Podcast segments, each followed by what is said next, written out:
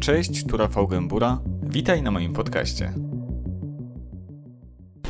Kiedy wybuchło powstanie, miała Pani 16 lat. Tak. To było dokładnie 75 lat temu. 1 sierpnia, godzina 17. Jak wyglądał tamten dzień? Ten dzień to był pełen oczekiwania, bo właściwie ja bardzo długo czekałam na, na to, aż do mnie dojdzie wiadomość, o której mam się stawić na swoim miejscu przeznaczonym na początek powstania. To było tak, że taka sieć była, y, była uruchomiona ludzi, którzy kolejno zawiadamiali innych. I do mnie ta wiadomość dotarła późno, także jak ja już właściwie, kiedy wyszłam z domu na Wil, wtedy na Wiliczej, no się zatrzymywałam ym, i pożegnałam moją mamę, to już prawie biegiem biegłam. E, Mój punkt był na Czerniakowie, na Czerniakowskiej, ym, w jakimś tam dalszym miejscu. Także musiałam przebiec Plac Trzech Krzyży, e, całą ulicę Książęcą. I pamiętam Książęcą z góry to już właściwie biegłam. Dobiegłam właściwie już do miejsca, gdzie stawiano barykady. Już stawiano pierwszą barykadę.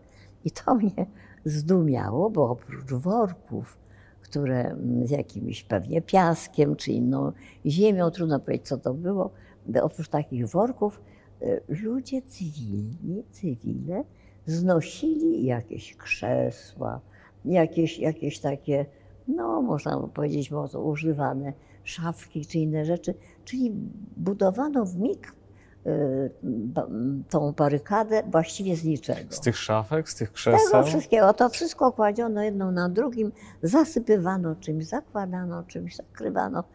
To, ale to bardzo szybko powstało. Powstanie było przewidziane na trzy dni i myśmy mieli mieć tam jakąś bieliznę, jakieś coś tego, jakieś, no nasze matki uważały, że jedzenie. No w każdym razie taka podręczna torba, gdzie była i, i szczotka do zębów. i na coś. Ale mm, nastrój był niesłychanie podniosły. Ludzie wracali do Warszawy. Wszyscy marzyliśmy o tym, żeby powstanie się zaczęło, żeby się odbyło. Jak to możliwe? Dlaczego człowiek o tym Myśmy marzył? był to, ja na przykład byłam zaprzysiężonym żołnierzem Armii e, Krajowej półtora roku przed powstaniem. Przygotowywała się Pani jakoś do tego? No, to nie ja, mnie przygotowywano. W jaki sposób? Jak to No wyglądało? uczono, myśmy mieli całe kursy, byliśmy, po, po, byliśmy w, w grupach przede wszystkim ustawieni. I te grupy składały się z kilku, kilkunastu osób. Spotykaliśmy się, przechodziliśmy kurs musztry, kurs łączności. No, znaczy ja łączności, bo ja chciałam być łączniczką. Y, Kurs sanitariatu to wszyscy właściwie, wszystkie y, dziewczyny przechodziły. No ale były przeróżne, były, były i to, to zależy, gdzie się trafiło i co to się robiło. A Ale strzelanie? Uczyli strzelać? no wie pan, na ogół to, to zależało od możliwości. Jeżeli ta grupa miała dostęp do broni i do terenu, w którym mogła y, wyruszyć, dotrzeć, wyjechać, bo to trzeba było przecież w jakimś lasku ćwiczyć, tak się nie dało, mm, to, to bywały, mnie się tak trafiło, że akurat miałam taką okazję. A, ale nie, na ogół były to mm, kursy łączności bardzo poważne. Mm, Były też kursy samochodowe nawet, bo powstanie miało objąć cały kraj, nie samą Warszawę. Kie- Kiedy partyzanci byli ranni, dostawali się do szpitali. I to też szło takimi kanałami podziemnymi, y, to znaczy konspiracyjnymi, żeby Niemcy nie zorientowali się, że to jest ktoś, kto jest y, ranny w partyzance. Żeby... Więc w związku z tym byli takie, ja dostałam takie raz takie, taką, takie polecenie, żeby odwiedzać e, chłopca, który leży w określonym, jest w określonym szpitalu, no, na oddziale takim i jest absolutnie samotny, żeby po prostu nim rozmawiać. Ja mówię, dobrze, o czym rozmawiać? O niczym. Po prostu Po pójść, prostu żeby on wiedział, że ktoś się nim interesuje, że on jest pod jakąś ochroną. Pani pójdzie jako nieznana osoba, czy ty pójdziesz jako nieznana osoba, to on to doskonale zrozumie.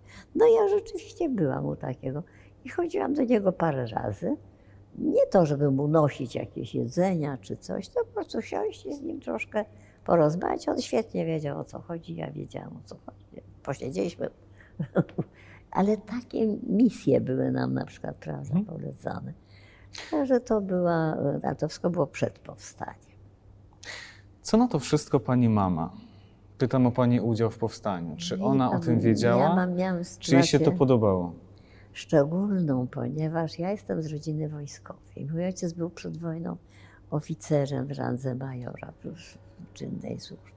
Wychowanie dzieci e, w przedwojennej tej, w tej rodzinie wojskowej było może dosyć szczególne, było bardzo patriotyczne. Ja wiem, że dla mnie na przykład defilady to było coś wspaniałego. Ja byłam zapatrzona w wojsko od dziecka. I, i, I może to miało jeszcze swoje znaczenie. Moja mama była po prostu żoną oficera, no i to, to, to, to jest też specyficzna mm, jakaś taka. e, No, trzeba powiedzieć, że wojsko było trochę elitarne przed wojną, to prawda, ale, ale nie o to chodziło. Ten patriotyzm był rzeczywiście, już można powiedzieć, we krwi każdy z nas miał. No, Ale pani miała zaledwie Natomiast- 16 lat. A, a no, o to chodzi. Natomiast mój ojciec pozostał w kraju. Udało mu się e, nie trafić do niewoli po, po, po 1939, udało mu się celowo. I e, od początku działał najpierw w ZWZ, a później w Armii Krajowej. I, działał w sztabie, e, współpracował z i w pewnym momencie, w 1943 roku, nastąpiła wpadka jakiejś grupy i został aresztowany i dostał się na pawiak. I na tym pawiaku przez trzy miesiące był, no, można powiedzieć, męczony, torturowany w różny sposób. I wreszcie został zamordowany na pawiaku we wrześniu 1943 roku. Także y, ojca już nie miałam. Czyli mniej więcej rok temu pani mama pożegnała męża. No tak, a ja ojca, który był moim A idolem, w ogóle, w którego byłam wpatrzona i, którego bardzo szanowałam, niezależnie od No więc, więc No i przychodzi sierpień i pani mówi mamie, że idzie walczyć. tak, mama to rozumiała. Rozumiała. Jak wyglądało pożegnanie? Właściwie po prostu, bardzo proste było. Ja wiem, to była trudne, za parę dni się zobaczymy na takiej zasadzie. Mm, Oczywiście mama myślała swoje.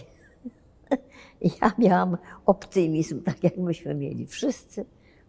Nie, chodziło o dni, tylko o to, że. No i właściwie tak wygląda. Także ono nie było łzawe, nie było dramatyczne. Mm, Przynajmniej na pozór. Tak. Mówi pani, że początkowo to powstanie to miało być zaledwie trzy dni. Y, Czy człowiek w tamtym czasie myślał o tym, że może zginąć, czy w ogóle nie było takiej myśli? Myślenie to chyba w jakimś sensie może gdzieś tam przenika, ale każdy z nas wierzył, że przeżyje. To jest normalne. Młody człowiek, który idzie walczyć, nie myśli o tym, że zginie, tylko myśli o tym, że zwycięży. I tak powinno być, to jest naturalne. Idziemy na wojnę, to po to, żeby wygrać, a nie po to, żeby zginąć. Także myśmy mieli bardzo dużo entuzjazmu. Bo właśnie entuzjazm był szalony, no było wiele radości, wiele uśmiechu w momencie, jak dotarliśmy już do tych naszych zgrupowań. Ja mówiłam o tej barykadzie. No to jak dotarliśmy do tych zgrupowań, zupełnie nieznani ludzie, wcale niekoniecznie swoi. Niektórych tam, y, niektóre dziewczyny były bardzo małe, ale były, mm, z jedną byłam zaprzyjaźniona, więc się tam spotkały. Cały czas żeśmy chodziły razem na te szkolenia, a pozostałe też poznałyśmy. I, i, no i potem nastąpiły przydziały, gdzie kto, mm, ponieważ ja mm, zostałam przydzielona do czwartej kompanii, czwarty pluton, e, batalion TUM. No więc takie to wszystko było zostały przydzielone i tam się, ale co się zaczęło? Zaczęło się to, że entuzjazm obejmował nie tylko tych młodych nas powstańców, ale także cywili. Cywile przychodzili, pomagali, gotowali od razu dla nas jakąś zupę. Pamiętam, no, organizowali się, przynosili rzeczy na barykadę. No, patrzyli na nas od razu jak na bohaterów, chociaż trudno było o tym mówić. Ale było, było, było niesłychane zbratanie. Mm, A, a, a z drugiej strony, no, kiedy można było, kiedy nam rozdano biało-czerwone opaski, które założyliśmy na ręce, kiedy pojawiły się flagi. Przez pięć lat Tych flag nie było. ten na- naród nie tylko nie było, ale na- naród był dręczony. Był, był, był ostatnio przed powstaniem, no to powiedzmy, rozstrzeliwanie ludzi na ulicach stało się rzeczą powszechną. To nie to, że było to raz na cztery miesiące, tylko to było, ja wiem, raz tu, raz tam. No, Po prostu stało się mm, i te łapanki, i te wszystkie strzelaniny. To po prostu stało się już tak, że, że, że warszawiacy już nie mogli tego znieść. Każdy miał dosyć. I nie tylko, i każdy chciał, żeby tych Niemców przegonić osobiście. To nie tylko najeźdźców, znaczy nie Niemców, tylko najeźdźców, no bo o czym tu mówimy. Także to mm, nastrój Warszawy był fantastyczny, bo to było miasto fantastyczne, rzeczywiście. Ciągle uważam, że jest. Podczas samego powstania pani była łączniczką. Tak. Czym właściwie się pani zajmowała? Jak to Pana, opisać? ba, funkcji było dużo. Łączniczka miała na przykład mm, y, tak jak ja, bo ja byłam przy konkretnym plutonie, przy konkretnej mm, kompanii i byłam, że tak powiem, łączniczką polową. No. Więc y, mieliśmy dyżury, mieliśmy na przykład, niezależnie od wszystkiego, przy barykadzie były warty. Więc taką wartę czterogodzinną oprócz dwóch chłopców zawsze była łączniczka, która musiała biegać w razie czego. No. E, Najgorszą wartą była oczywiście między 12 a 4 w nocy, bo to jest ani przed, ani po, wyspać się nie da. Ale, o, więc te warty były jedną rzeczą. Drugą wartą, taką bardzo poważną, była przy CKM-ie, ciężkim karabinie maszynowym, który na przykład był, e, ja pamiętam mm, to miejsce na Szarej 14, wysoko na drugim czy trzecim piętrze mm, i gdzie tam właściwie powinnam była zginąć, a nie zginęłam, ale to przypadek. Dlaczego? Moja służba tam wypadała na godzinę 6 rano, ale o godzinie 5 nas obudzono, że idą jakieś czołgi. I w takim razie kto na ochotnika do butelek, bo już były te butelki zapalającym materiałem, które się usiłowało dorzucić przed czołg. Czyli chodziło o to, żeby butelkami, powiedzmy z benzyną, rzucać butelkami. w niemieckie czołgi. Tak. No i ja się zgłosiłam, bo to, człowiek zawsze się lubią zgłaszać. Wobec tego się zgłosiłam i pobiegliśmy to. Pobiegliśmy. Oczywiście musieliśmy gdzieś czekać, oczywiście musieliśmy się przemieścić. Jeszcze gdzieś to potrwało. Ostatecznie czołgi pojechały inną drogą. No i wobec tego oddałam butelkę i pobiegłam na swoją wartę, którą w międzyczasie poszedł ktoś inny. Czy został Pani się spóźniła. no, spóźniłam się co najmniej półtorej godziny może, bo tak trwało. I kiedy tam doszłam, okazało się, że w międzyczasie Goliat, czyli taki, no taki, jakby to określić, no nie czołg, nie czołg, bo to nieprawda, w każdym bądź razie, wstrzelił się dokładnie w stanowisko tego e, karabinu maszynowego, które było w oknie ulicy Szarej 14. I w, zrobił tam potężną dziurę i potężne zniszczenia. Zginęli e, obaj chłopcy i cała, cała obsługa zginęła. I kiedy ja wchodziłam po schodach, już wiedziałam, że tam coś uderzyło, ale nie wiedziałam co. Nie wiedziałam, jak to wygląda. I po drodze znalazłam tą dziewczynę, która miała bardzo niewielki, jakiś mały, yy, małą ranę, ale to niewątpliwie był odłamek, który także już zginęła na miejscu i leżała tak na schodach. No a jeden z tych chłopców, e, też taki bardzo tam posiekany, nieżyjący, a drugiego w ogóle nie było. Bo to było miejsce, gdzie były jakieś książki na półkach. I jak ten pocisk rąbnął, to właściwie to wszystko w te książki. Czyli gdyby, czyli obraz. gdyby nie te czołgi, Tak, to byłabym ja.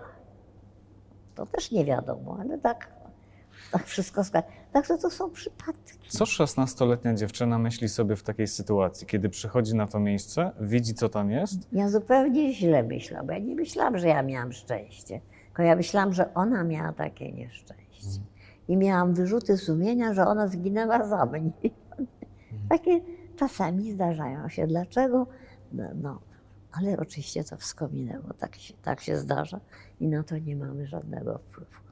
Dalej, pan pytał, co, to, co byśmy robili. No, przenosiliśmy różne rozkazy między, między dowódcą plutonu a poszczególnymi ludźmi, między dowódcą plutonu a dowódcą kompanii. To mało. Jeżeli na przykład prowadziliśmy, jeżeli rannego nieśli e, chłopcy e, na noszach, to też trzeba było pójść przed nimi, pokazać im drogę. I to też było zadanie łączniczki. no tak, bo- łączniczka znała te ulice, znała te przejścia, znała te dziury w płotach, murach różnym, więc to, to trzeba było do, prowadzić ich. Także łączniczka miała dużo zadań. Duża odpowiedzialność. I była to bardzo ciekawa, muszę powiedzieć tak. No, funkcja, funkcja, nie praca, funkcja. A jak wyglądała taka codzienność? Co się jadło? Gdzie się spało? No bo przecież nie, nie w Proszę mieszkaniu, pana, nie w zaczęliśmy od tego, że spaliśmy normalnie w łóżkach. Dziewczyny miały oddzielne jakieś pokoje. Y, Zajmowaliśmy, ludzie opróżniali te domy. Tam, gdzie były teren bardzo ostrych walk, to, to ludność cywilna się wycofywała i było masę pustych mieszkań. Czyli ludzie uciekali, a wy tam wchodziliście. No tak, a ludzie wchodzili w piwnicę yy, na początku. W każdym razie dosyć szybko od razu się zorientowali i chyba mieli rację. A myśmy byli najpierw normalnie na piętrze, potem zeszliśmy na parter, bo odstrzał był coraz bliższy. Ale niemniej to później pod koniec, w drugim, bo jest wielka różnica między pierwszym i drugim miesiącem powstania. Pierwszy miesiąc był, miał wiele radosnych chwil, msze polowe odbywały się, e, no tam jest takie, e, taki jak gdyby wydzielony teren, gdzie ulica Okrąg, Wilanowska e, i, i, i, i Ludna. Two, no, dom tworzył taki, mm, takie ogromne, jak gdyby teren, wielkie, wielkie podwórze z tyłu. I tam się odbywały na przykład msze polowe. To było na początku. Nasz teren był duży, było stosunkowo jeszcze spokojnie i, i nawet mieliśmy taki ślub. To też się odbył. Ślub podczas powstania. Tak, Było na to miejsce, był na to czas. była na, na to chwila. Dlatego, ale to była para, która znała się przed powstaniem. To nie to, że oni po, w czasie powstania się poznają. Jest taka. A co się zmieniło po miesiącu? Mówi pani, że nastąpiła zmiana. Na czym ona Na, polegała? na tym, że, że Niemcy zacieśnili ten krok, dali ogromny ogień na Czerniaków. Yy, Zaczęto nas bombardować z góry, mm, z samolotów i no, więcej granatników skierowano na naszą to. I teren nam się kurczył. Wy, wy, wypychano nas z, z tego terenu. Także tam się robiło zupełnie inaczej. Pytałem panią o tę codzienność, a co się jadło? Co jadło? Właśnie chciałam powiedzieć, że my na początku, sytuacja naszego plutonu, bo to był czwarty pluton czwartej kompanii, ale ponieważ e, wysyłany był w bardzo trudne miejsca i takie, nazwaliśmy go wypadówką, bo były takie wypady właśnie, e, które, e, które były, no może bardziej e, interesujące. Jeden z naszych kolegów, nawiasem mówiąc Ormianin, ale mieszkający w Polsce, mm, oczywiście, Był, nie wiem kim był z zawodu, ale był znakomitym kucharzem i który nam gotował. Objął również, również funkcję gotowania, a ponieważ zdobyliśmy y, na, y, od Niemców magazyny z połem i w tych magazynach był makaron w dużych ilościach i od Niemców naturalnie odbity i, i przeciery pomidorowe. Więc wobec tego jedliśmy dwa razy dziennie, bo chleba przecież nie było, w związku z tym ani kartofli, ani takich rzeczy. Więc ten makaron nam niesłychanie pomagał. Jedliśmy go rano i wieczorem.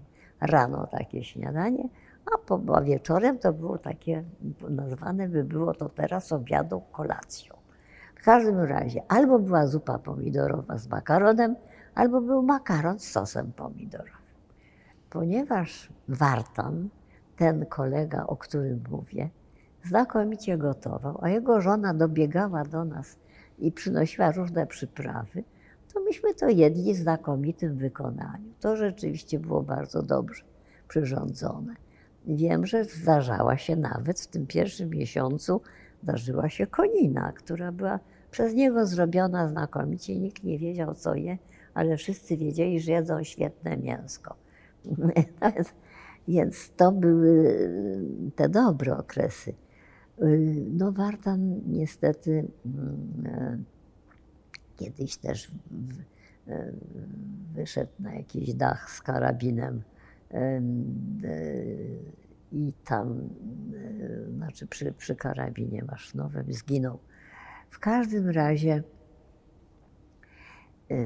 końcowe nasze dni były zupełnie beznadziejne, bo w ogóle, bo w ogóle już nie, nie było wody nie było możliwości ugotowania tego wszystkiego. I właściwie przez ostatnich pięć dni powstania, to na przykład ja miałam tylko landrynki. Tylko jakąś paczkę landrynek, to kiedyś od ktoś, ktoś przyniósł i, i, i te landrynki jedliśmy. Czy to już był e, ten czas, kiedy człowiek myślał sobie, że to powstanie mogłoby się skończyć? Niestety że... tak, to właśnie był. Ale tej myśli myśmy nie dopuszczali do końca. Do końca nie dopuszczaliśmy tego, że powstanie się może skończyć, że, że, że skończyć się. Ciągle wierzyliśmy, że będą zrzuty, y, że znaczy ze strony Anglików czy Amerykanów. No ale jeżeli były, to do nas nie trafiły z bronią, bo to, czego nam brakowało, to nie chodziło nam o jedzenie, nam chodziło o broń. Myśmy ciągle czekali na broń, bo jak nie mieliśmy nabojów i, i broni, i granatów bardzo mało, no to było wiadomo, że to niestety nie da rady. No, czy, miała pani, czy miała Pani taki dzień, kiedy sobie pomyślała, uświadomiła, że to powstanie nie skończy się dobrze? Na pewno. Był taki dzień. Bo bym się nie, gdyby nie to, to bym się nie zdecydowała na przeprawę przez Wisłę, bo myśmy byli nad brzegiem Wisły. Zostaliśmy stopniowo spychani na tą. Zostaliśmy odcięci nawet od Solca, z ulicy Solec, nawet od kościółka, tego kościoła na, na Solcu. Nie zawsze nazywam go kościółkiem, bo on jest, jest bardzo ładny. I, tam mm, też rozgrywały się dramaty. Niemcy, kiedy tam dotarli i jakaś mała grupa dostała się w ich ręce, to po prostu ich rozstrzelali. Nie brali do niewoli, bo uznawali e, powstańców za bandytów. Dopiero później, kiedy doszło do kapitulacji, to wtedy zmieniło się, zmienił się ten system i wzięto do niewoli. Ale tutaj nie, także u nas nie było nie było żadnej kapitulacji na Czerniakowie. Jakie sytuacje z powstania, jakie doświadczenia w największym stopniu e, obciążały Pani psychikę? Wie Pan, co obciążało, a co... Powstanie nas zmieniło wszystkich. W jaki sposób? Myśmy przestali być dziećmi, młodzieżą. Myśmy się stali bardzo, bardzo dorośli. Kiedy widzi Pan, jak koło Pana padają ludzie, którzy byli kolegami, z którymi Pan jeszcze przed chwilą rozmawiał, a z którymi myśmy, myśmy nawiązani, myśmy byli trochę jak bracia wszyscy. Było ogromne e, zbratanie, ogromne zaprzyjaźnienie ludzi, którzy tam walczyli. Nie było podziałów, nie było my jesteśmy lepsi, my jesteśmy gorsi. Był taki dzień podczas powstania, kiedy y, pani sobie postanowiła, że jeśli przeżyje, to pójdzie na medycynę. To już pan wie, tak. Wiem. Co się wtedy wydarzyło, Wie pan proszę powiedzieć? dlaczego? Ja nigdy nie myślałam, ja nie mam w tradycji rodzinnej żadnych lekarzy. Tak się złożyło. Byli, róż- byli artyści, byli różne zawody, ale nigdy nie było lekarza. Ja nie miałam takich zamiarów. Moja matka chciała ze mnie zrobić pianistkę, mm, bo grałam od szóstego roku życia i tak dalej. Ale mój ojciec uważał, że mm, sama będę sobie wybierać zawód i tak dalej, a ja marzyłam o architekturze albo o dziennikarstwie. Tak. Więc takie marzenia moje były jeszcze niesprecyzowane, ale na pewno nie szły w kierunku medycznym. No i wtedy, kiedy, ale kiedy się okazało, że tam na miejscu, gdybym mogła, gdybym umiała, to mogłabym zrobić wiele dobrego, może uratować jeszcze jakieś życie to zrozumiałam, że jestem bezsilna i że dla mnie w życiu nic nie będzie tak poważne jak ludzkie życie. I to się stało mo- moim przeznaczeniem już. Ja już wybrałam wtedy. Chodziło o ratowanie życia i nawet w medycynie też nie zależało mi tylko na medycynie. Musiałam być chirurgiem. I tak zostałam w końcu. nie, nie było. To, ale cały szereg ludzi z mojego otoczenia też bardzo zmieniło im życie. Zmieniło nasze nastawienie do wielu spraw. Po prostu każdy, kto przeżył powstanie, kiedy spotykał drugiego człowieka, który też przeżył powstanie, po wielu latach nawet, od razu mieli wspólny język. Bo mieli przeżycia, które były nie te same, ale, ale takie same. Y, Takie pytanie, które często przewija się w kontekście powstania, no to czy ono w ogóle miało sens? Y, Co pani myśli na ten temat? Proszę pana, więc ja po pierwsze zawsze, zawsze mówię, że żołnierz nie jest od y, ani wydawania decyzji, ani od oceny tego, kiedy i co powinno nastąpić. I dlatego zawsze się wycofywałam z takich wypowiedzi, bo muszę powiedzieć, że, że, że po pierwsze my jesteśmy żołnierzami, żołnierzami Armii Krajowej.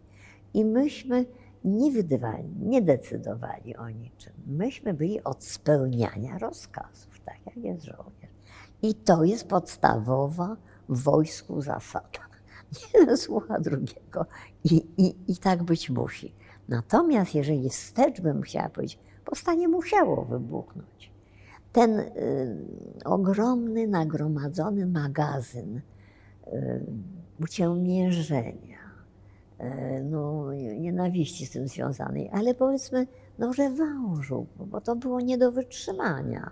Polski naród wytrzymuje do jakiegoś momentu, a później nie wytrzyma. I nie wytrzymał tak samo tutaj. I powstanie, nawet jak to by się zaczęło znacznie gorzej, to już lepiej, że ono było zorganizowane. A poza tym to dało wielu ludziom no, wiele satysfakcji, wiele nieszczęść. Wszystko, wszystko. Niemniej wydaje mi się, zadecydowało o naszej późniejszej historii, bo myśmy mogli mm, za bardzo być łatwym kąskiem dla sąsiadów, prawda? Więc to, to nie było wtedy. Na pewno zadecydowało, tak myślę.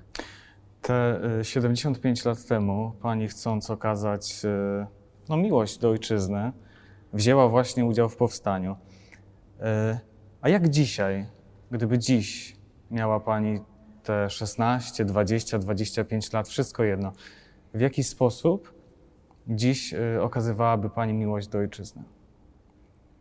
Widzi pan, jesteśmy w czasach pokojowych i nas czasy pokojowe pociągają i one nas zmuszają do innych wysiłków.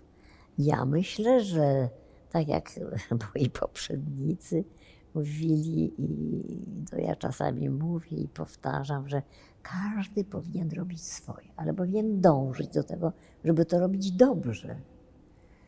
Myśmy mieli tak ogromny ciąg do nauki, e, ponieważ Niemcy nam tego zabraniali, ponieważ myśmy chodzili na tajne nauczania. Więc ja bym życzyła młodym ludziom, żeby oni walczyli o swoje wykształcenie, dążyli za wszelką cenę, żeby zdobyć to, co im da największą satysfakcję, jeśli chodzi o przyszłość, o pracę. Bo tylko z satysfakcją dobrze się żyje, dobrze pracuje. Pieniądze są, ale one są przemijające. A zawód jarmowania zostają. A poza tym trzeba być bardzo przyzwoitym człowiekiem. To mi się zdaje. Ja tak sobie widzę naszą młodzież. Czyli własna edukacja i przyzwoitość. Tak. Bądźmy przyzwoici i róbmy swoje. Uprzejmie dziękuję Pani za to spotkanie. Dziękuję nie tylko w swoim imieniu, także w imieniu wszystkich widzów kanału. Jeśli Pani pozwoli. E... No nie. A, te no, kochani. kwiaty. No co wy robicie? Bardzo proszę. No bardzo dziękuję.